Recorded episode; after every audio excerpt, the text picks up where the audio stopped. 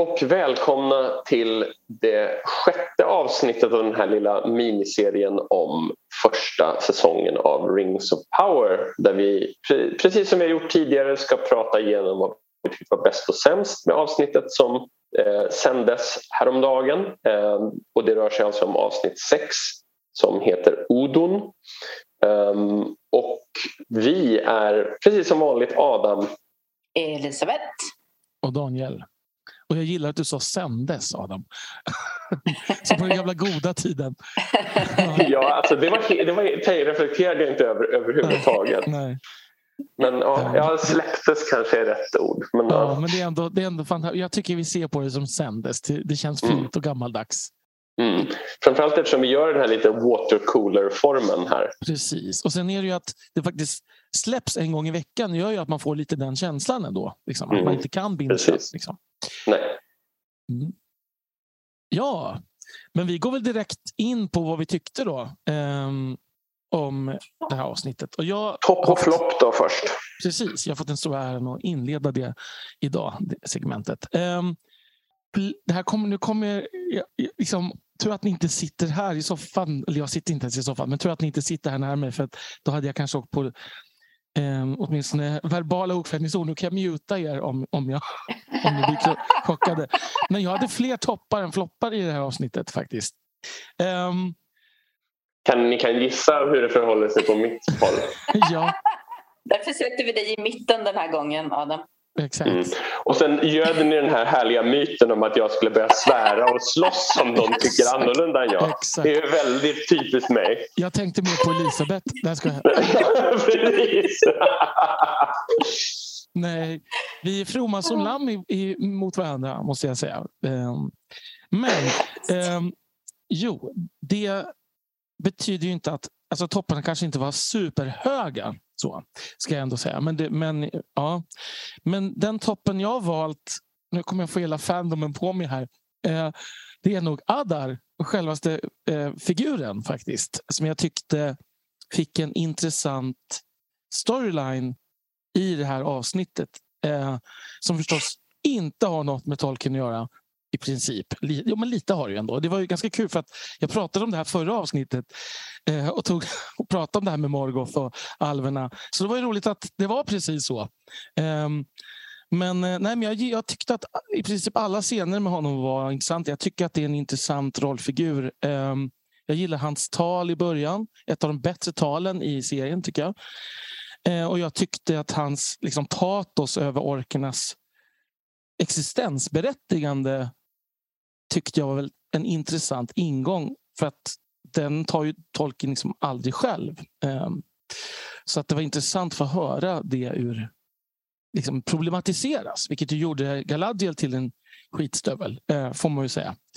Men, men, men, men så där är ju alla är ju så i boken. Alla tycker ju precis det här som hon säger i, i böckerna. Så att, visst.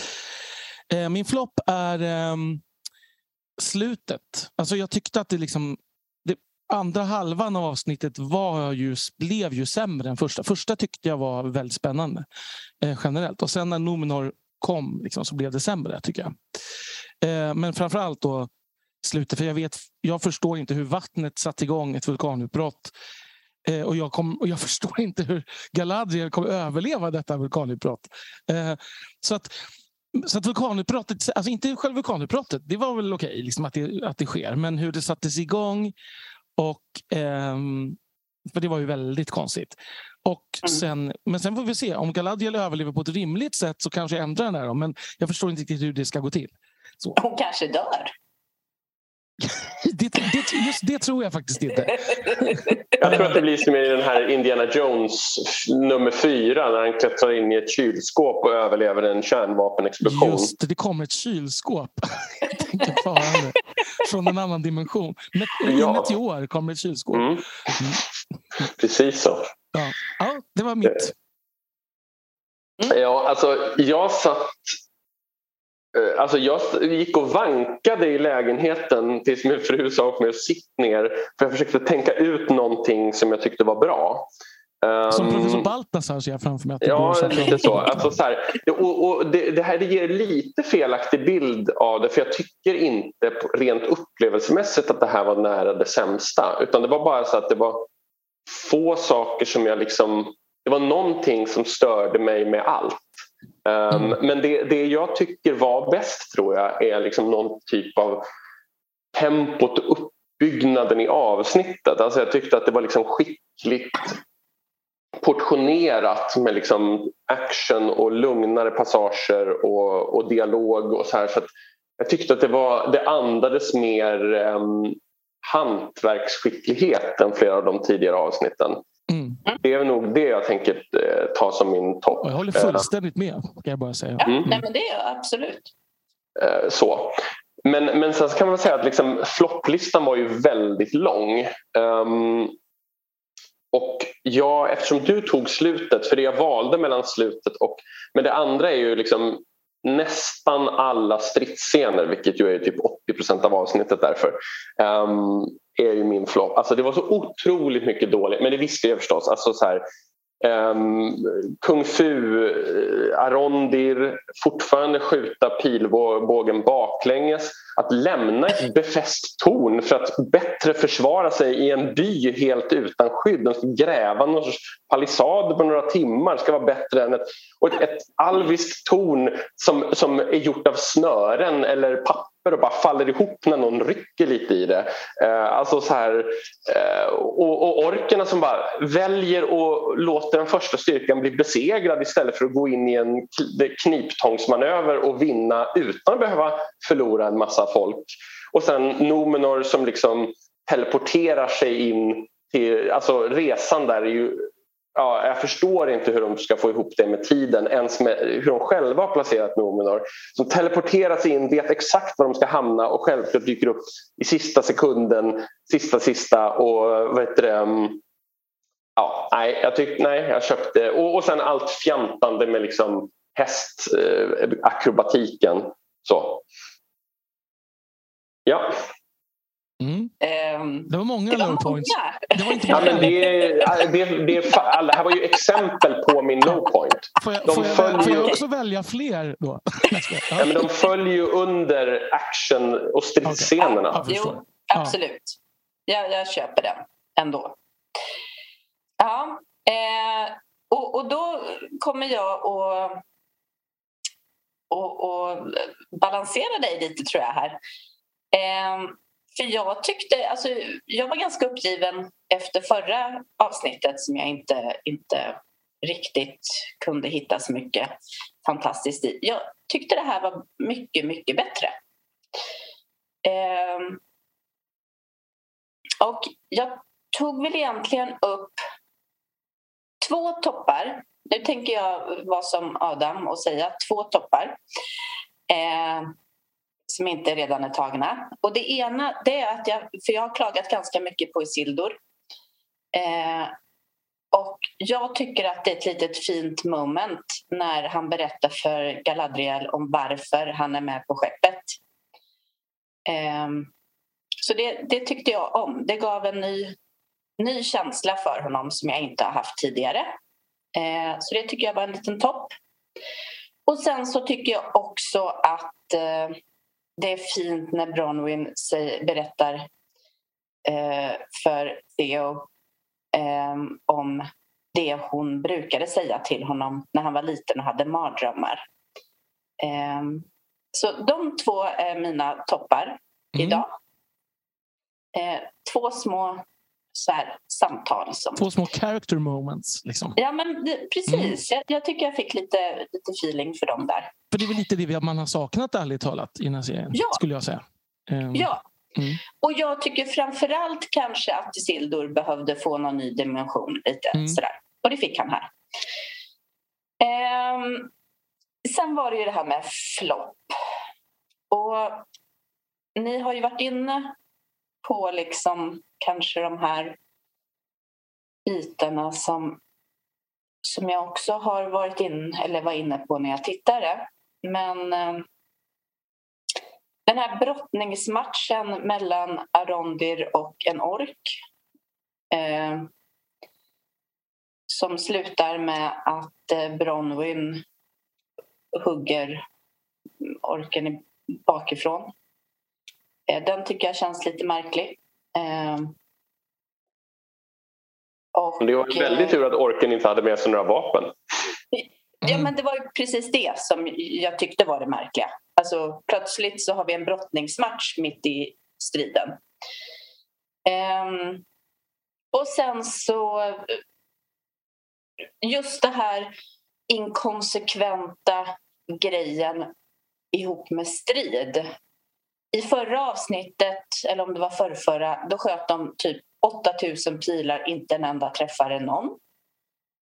Eh, idag, då, för jag såg det idag, eh, så sköt de typ 10 pilar, alla träffade. Alla. Eh, och eh, varenda en liksom hamnade exakt där de skulle. Jag tycker att, att det känns som att de har gått en väldigt snabb utbildning i prickskytte. Mm. Eh, som känns... Till och med när folk var dolda bakom hustaken och sådär. Liksom. Ja, men, ja, ja, men precis. Eh, den där tyckte jag var... Ja, nej, men det blir för inkonsekvent. Jag tycker det blir fånigt i båda fallen.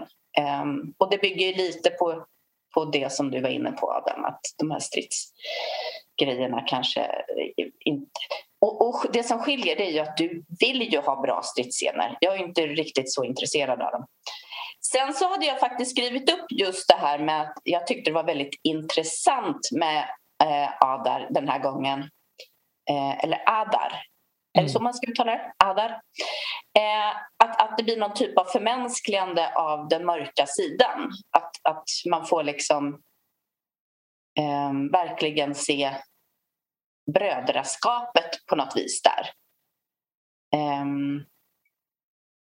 och det, det tycker jag ändå...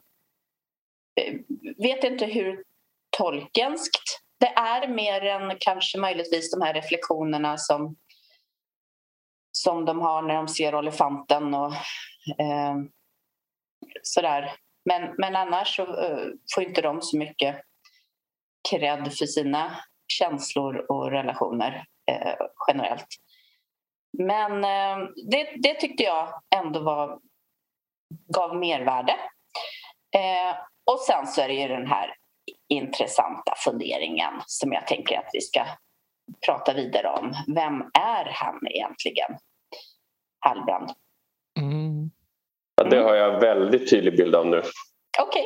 Jag, jag, har, jag har en väldigt stark Eh, jag har gått in i ett läger där.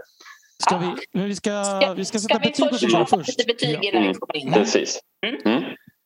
Ja, det här blir jättesvårt att sätta betyg. Tolkenbetyget blir en tvåa, eh, kan jag börja med att säga. i alla fall. Um, så, det är ju inte så mycket. Ja, men det, alltså det finns en del som absolut, men det är så mycket som, som det är så mycket fakt, faktiska händelser som känns helt orimligt otolkenska. Även om det finns liksom en lite teman och så där som jag tycker som poppade upp som, blev, som var tolkenska. Men i övrigt, jag, alltså jag kommer ju gå stick i stäv med att säga att alltså generellt så tycker jag att jag gillade actionscenerna i det här eh, avsnittet mycket mer än någonting annat jag sett hittills. Um, jag gillade också att det blev, kommer låta väldigt morbid, men att det blev mycket mörkare och blodigare än det någonsin blir i Peter Jacksons filmer för att han ju ville hamna under en viss åldersbegränsning. Liksom. Eh, och det gör ju att det väldigt sällan det känns på riktigt där. Eh, alltså, för, men här liksom gick vanligt folk åt i drivor på något sätt. Eh, vilket ju är ganska sannolikt. Eh, ja, det är ju rimligt. Mm. Eh, och jag tyckte det gav Alltså, för första gången liksom en känsla av att någonting hände som var actionbetonat som jag brydde mig om. Jag tror att det var den stora skillnaden. Jag tyckte också att det var liksom spännande på ett annat sätt än det var tidigare.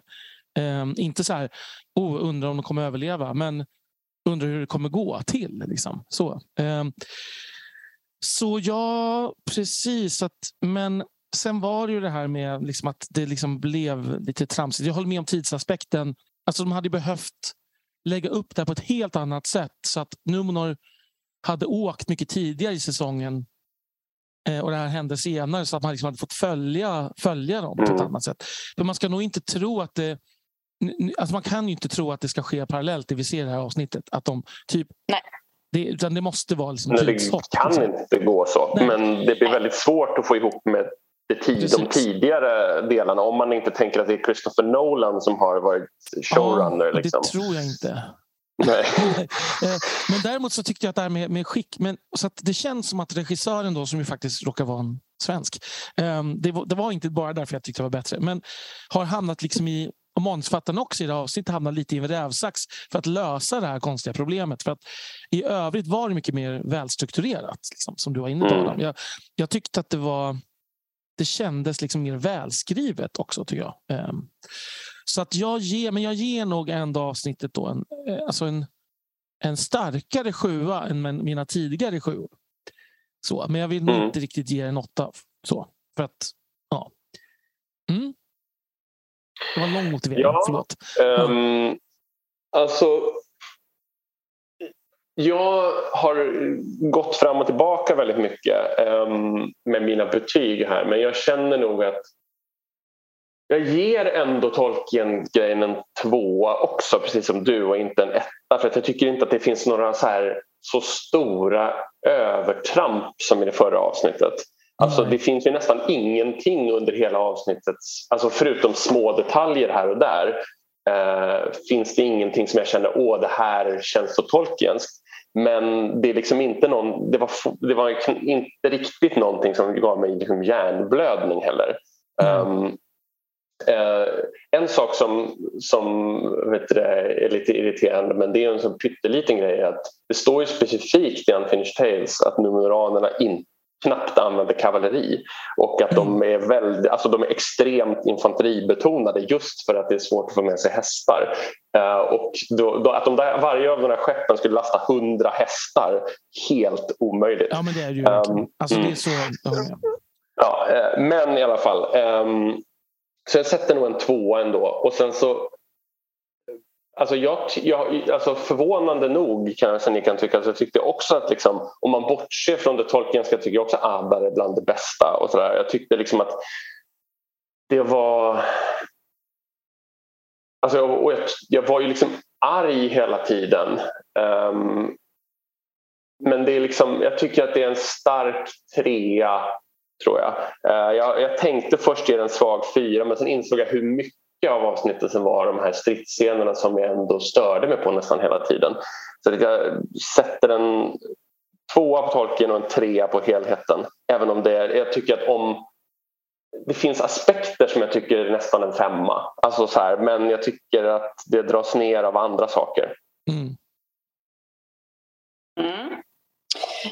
Då är det min tur. Ehm, och jag tänker att jag ändå... Jag fick mer tolken. Eh, inte kanske i detaljer, men eh, sådär som jag... Ja, men lite som du var inne på, Adam. Att det inte fanns de där som man bara gick i taket på.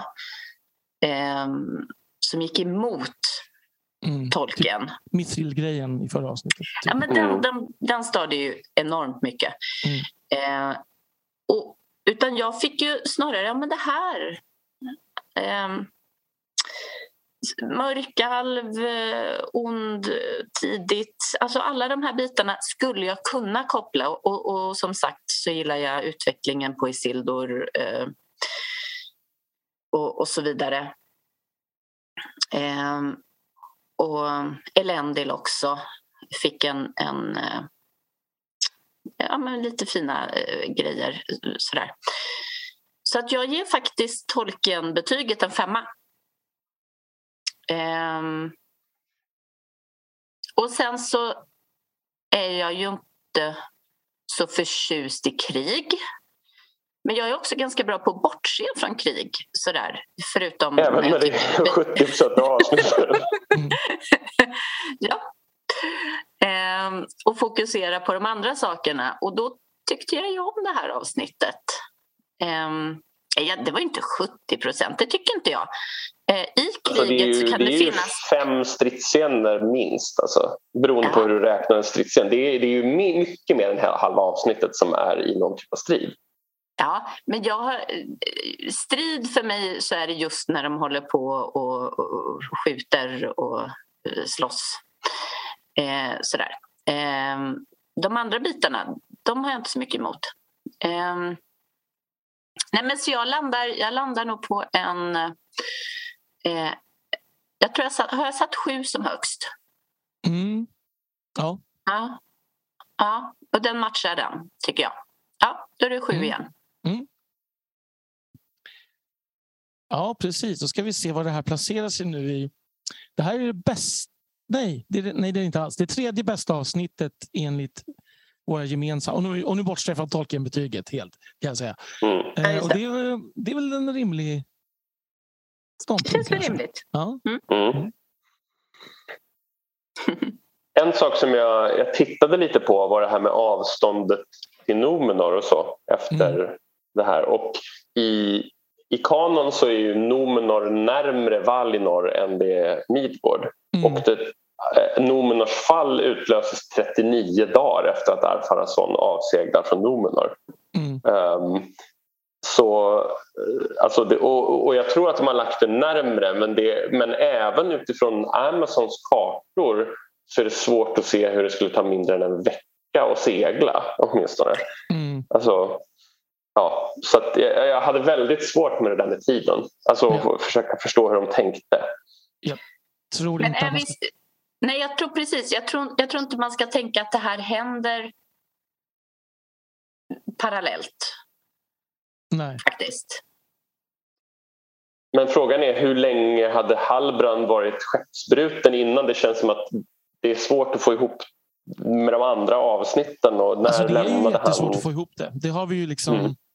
Mm. Det, så har det ju varit under alltså det som utspelar sig en, på en plats. Och det är nu när det ska knytas ihop som det blir problematiskt. Liksom. Så känns Mm. det ju. Då kan du bara lägga in eh, Galadriels simtur Ja, Precis. precis. för att Mm. göra det hela omöjligt. Men, Mm. men ehm, Ja, eh, den tänker vi bort. Ja. just, just nu. Nu ska vi tänka framåt. Vi, Ja. vi måste ta lite spekulationer också. Hallbrand först då. Ja, Mm. Jag tror ju Hallbrand är Sauron nu. Alltså det, jag tycker det finns flera tydliga tecken där. Ehm, där, där Hallbrand frågar tror, vet du inte du vem jag är och han säger nej. Och sen, så led, så, och sen när han frågar Hallbrand så stannar Hallbrand och svarar inte och går sen vidare. Jag tycker det finns mycket som tyder på att eftersom Adar gör uppror mot Sauron tycker det finns mycket som tyder på att Hallbrand är Sauron kopplat med det vi såg på Nomenor också. Mm. är det ingen omöjlighet i alla fall. Nej. Ehm, han är för övrigt ruggigt lik ehm, Viggo Mortensen. Ja. ja, det är helt galet. Han har ju exakt samma utrustning som han har i Return of the King.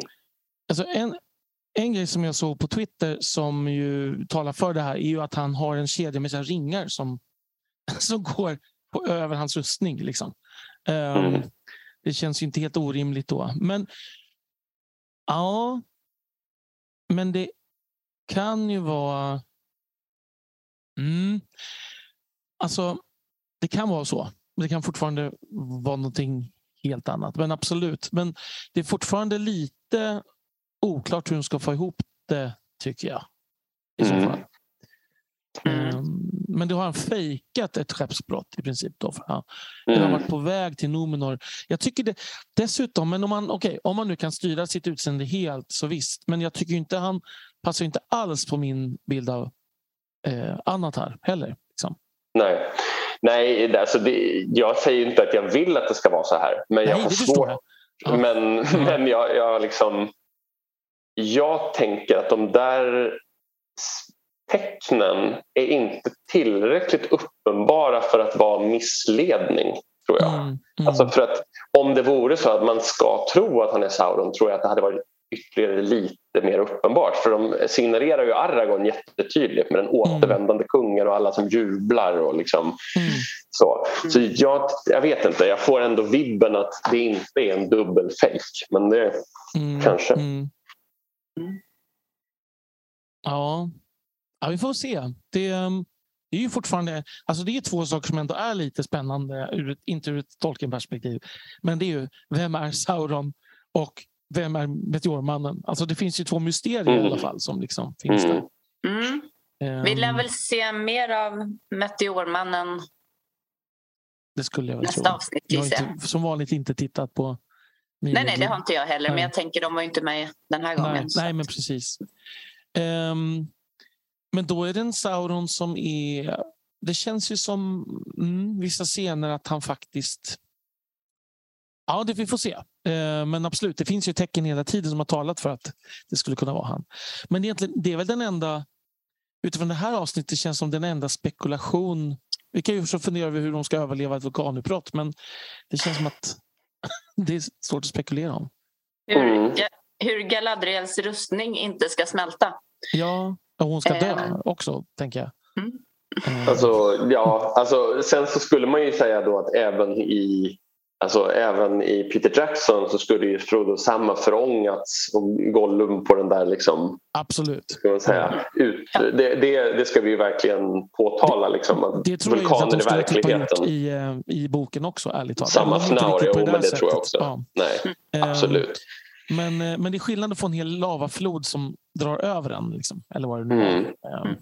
Men jag undrar när det är tanken att vulkanerna fått utbrott senast. För att de har redan refererat till den som Orodruin som mm. ju betyder liksom det röda flammans berg ungefär. Liksom. Mm. Så att uppenbarligen måste den ju, om de har tänkt på det, ha varit en vulkan innan. Men det verkar vara väldigt länge sedan med tanke på växtligheten och det ovanpå jo, berget. Sidan så är det väl så att i vulkanspår, liksom, när mm. så blir det väldigt bördigt å andra sidan. Mm, alltså, precis. efteråt. Så det är ju nog länge sedan men det är väl inte så konstigt tänker jag. Nej, nej men det måste ju varit en vulkan. Men, men sen att det liksom, den låses upp med nyckel och någon så. Jag undrar, det jag undrar hur, hur tror ni de har tänkt att liksom, vad, vem byggde det här systemet och varför och när? Mm. Alltså med, med att låsa upp med nyckel som vrider på en, öppnar en damm. Och, ja precis. Alltså, mm. Är det Sauron i någon sorts extremt förplanerande? I någon, och, alltså, jag fattar inte hur de tänkte det. Det, det var Maya-civilisationen, helt klart. Maya med i eller y? Ja, precis, exakt. Ja. det, ja. det Tikal-templen. Det känns ju återigen väldigt Indiana Jones. Liksom. Mm. Ehm, så, och det är ju kul, men det känns ju väldigt konstigt här i det här sammanhanget. Mm. Så. Vad tror ni händer med Numenor och det med Sauron sen då? Alltså ger de sig av tillbaka och kommer tillbaka till Midgård igen eller kommer de bara hålla Numenoranerna kvar jättelänge nu? Och de är ju inte så många heller så att... Nej. Nej. Ja, det... Nej, det är en bra fråga. Eh, eh, de måste ju tillbaka någon gång. Mm. Tänker jag. Ja, men, sen... mm. men alltså, är, blir det med Sauron eller blir det en till tur? Liksom? Det är oklart. För, när, för tror vi att vi kommer, vi kanske får veta att han är Sauron, om det nu är han som är Sauron, så får vi kanske veta det. Men alla lär inte få veta det i slutet av den här säsongen. Nej. Då finns det ju ingen, inget kvar. Liksom. Nej. Eller? Tid är ju den stora osäkerheten ja. någonstans. Så att det kan ju vara hur lång tid som helst tills dess. Mm. mm. Eller så är det nästa avsnitt. Mm. Ja, men då får vi knyta ihop säcken så att det här inte blir lika långt som förra gången. Vi får hålla de här, försöka hålla avsnitten kortare som vi har bestämt.